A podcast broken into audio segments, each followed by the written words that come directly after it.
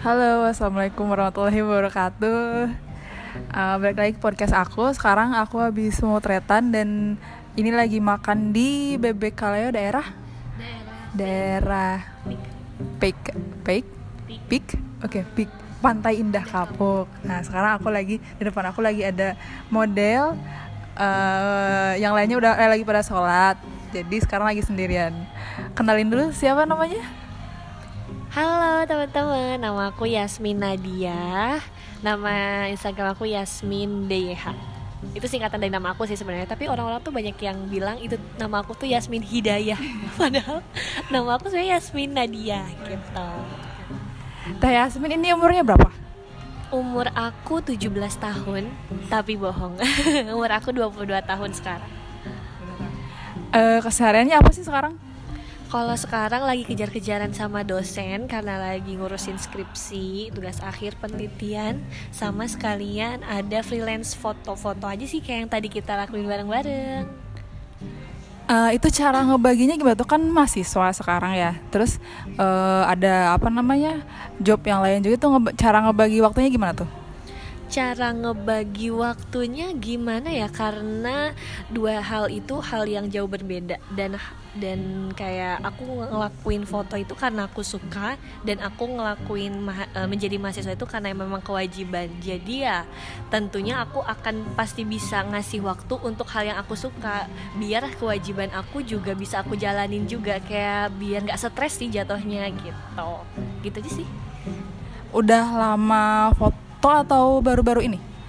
Aku foto sebenarnya udah lama dari dua tahun yang lalu tapi masih dibilang baru karena banyak juga model-model yang ternyata udah sampai belasan tahun di dunia ini jadi ya sebenarnya aku tuh masih newbie lah ya istilahnya. Kalau eh sekarang jurusan apa nih waktu kuliah? Nah kalau kuliah aku sebenarnya ilmu tanah Jadi ya gitu keseharian aku tuh kalau masalah kuliah kayak ke kampus Kuliah biasa sama ke lapangan kayak ke hutan, ke sawah, ke gunung, ke lembah Ke, ke apa lagi perbukitan, ke gunung kapur, eh, semuanya Itu ngapain aja di sana?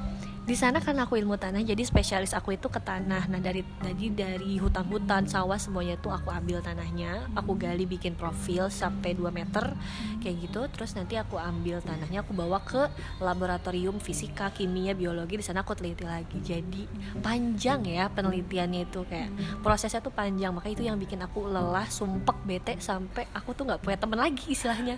Makanya alhamdulillahnya aku punya kerjaan sampingan yang bisa bikin uh, apa ya otak aku tuh refresh. fresh sih sebenarnya gitu. Nah itu setanah teliti emang dicari apanya sih Nah, yang dicari dari tanahnya itu bisa ke kesuburan, jatuhnya ke pertaniannya. Jadi baiknya nih tanah yang macam seperti ini, kalau misalkan mau di apa tuh namanya diproduksi untuk menanam tanaman pertanian seperti misalkan padi harus ditambah apa nih biar optimal hasilnya kayak gitu. Atau bisa untuk tanah-tanah yang kayak kalau misalkan dia tuh habis tambang pertambangan kan tanah pasti rusak kan daerah situ. Nah, untuk meremediasinya itu gimana cara treatmentnya yang baik. Nah, atau misalkan jatuhnya ke sipil juga bisa. Kayak misalkan uh, tanah-tanah seperti ini bagus nggak nih untuk bangunan? Atau malah jadi malah bikin longsor ternyata kayak gitu. Gitu sih jatuhnya. Berarti sekarang lagi tingkat berapa? Sebenarnya kalau udah dibilang ditanya semester aku malu. Karena sekarang aku udah semester 9 kalau ditanya tingkat aku tingkat akhir sih jatuhnya kan. Kalau udah untuk berarti skripsi ya bikinnya? Do untuk skripsi udah ada judul apa gitu belum Udah, aku sudah ada judul skripsi, aku udah penelitian. Jadi penelitian aku tuh udah di, aku mulai dari Januari sampai sekarang. Baru selesai sekarang. Aku tuh udah di lab, udah ke lapangan dan sekarang baru mulai nulis gitu. Oke, nah kalau misalnya nanti lulus nih, rencananya mau kerja di mana? Dulu aku punya cita-cita eh aku tuh sebenarnya masuk ke sebelumnya aku masuk ke jurusan ini tuh aku kecemplung. Hmm. karena kebetulan banget pas zaman zamannya aku memilih kuliah departemen aku ini ganti nama dari yang namanya ilmu tanah jadi manajemen sumber daya lahan.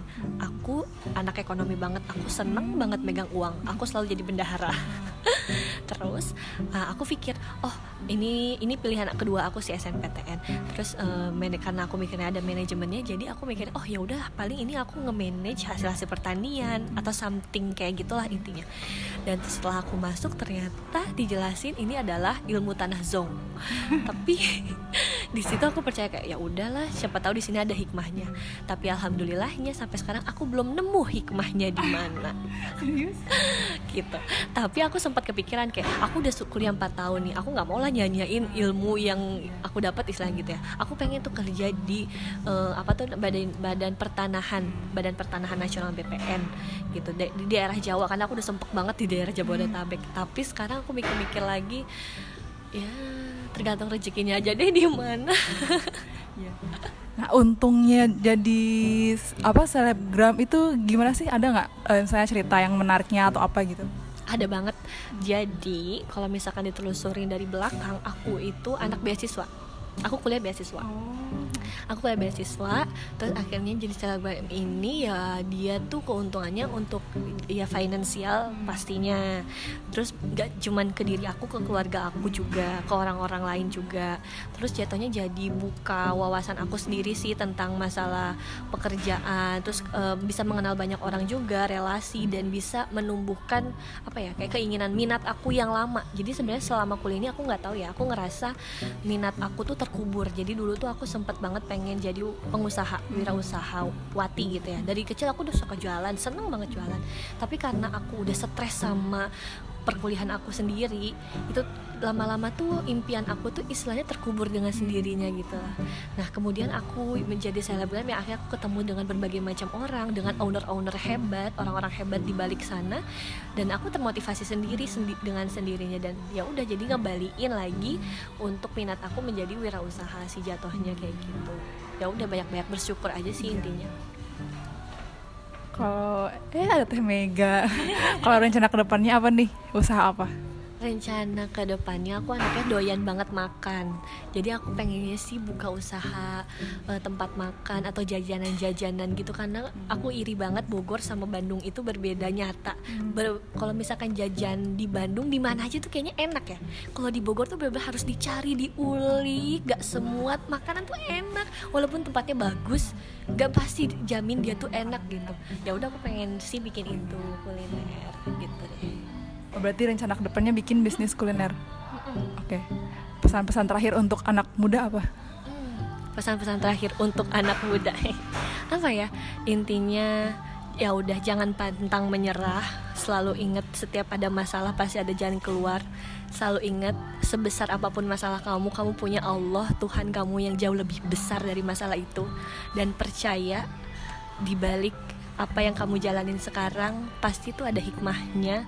Entah sekarang atau nanti atau bahkan kamu atau orang lain juga yang akan ngerasain itu. Jadi believe aja sih sama diri sendiri dan sama Allah. Meskipun belum menemukan hikmahnya sendiri. Oke terakhir. Follow instagramnya Teh Yasmin apa namanya? At Yasmin Deyeha Terima kasih atas cuap-cuapnya. Ya, semoga kita bisa ketemu lagi. Assalamualaikum warahmatullahi wabarakatuh. Waalaikumsalam warahmatullahi wabarakatuh.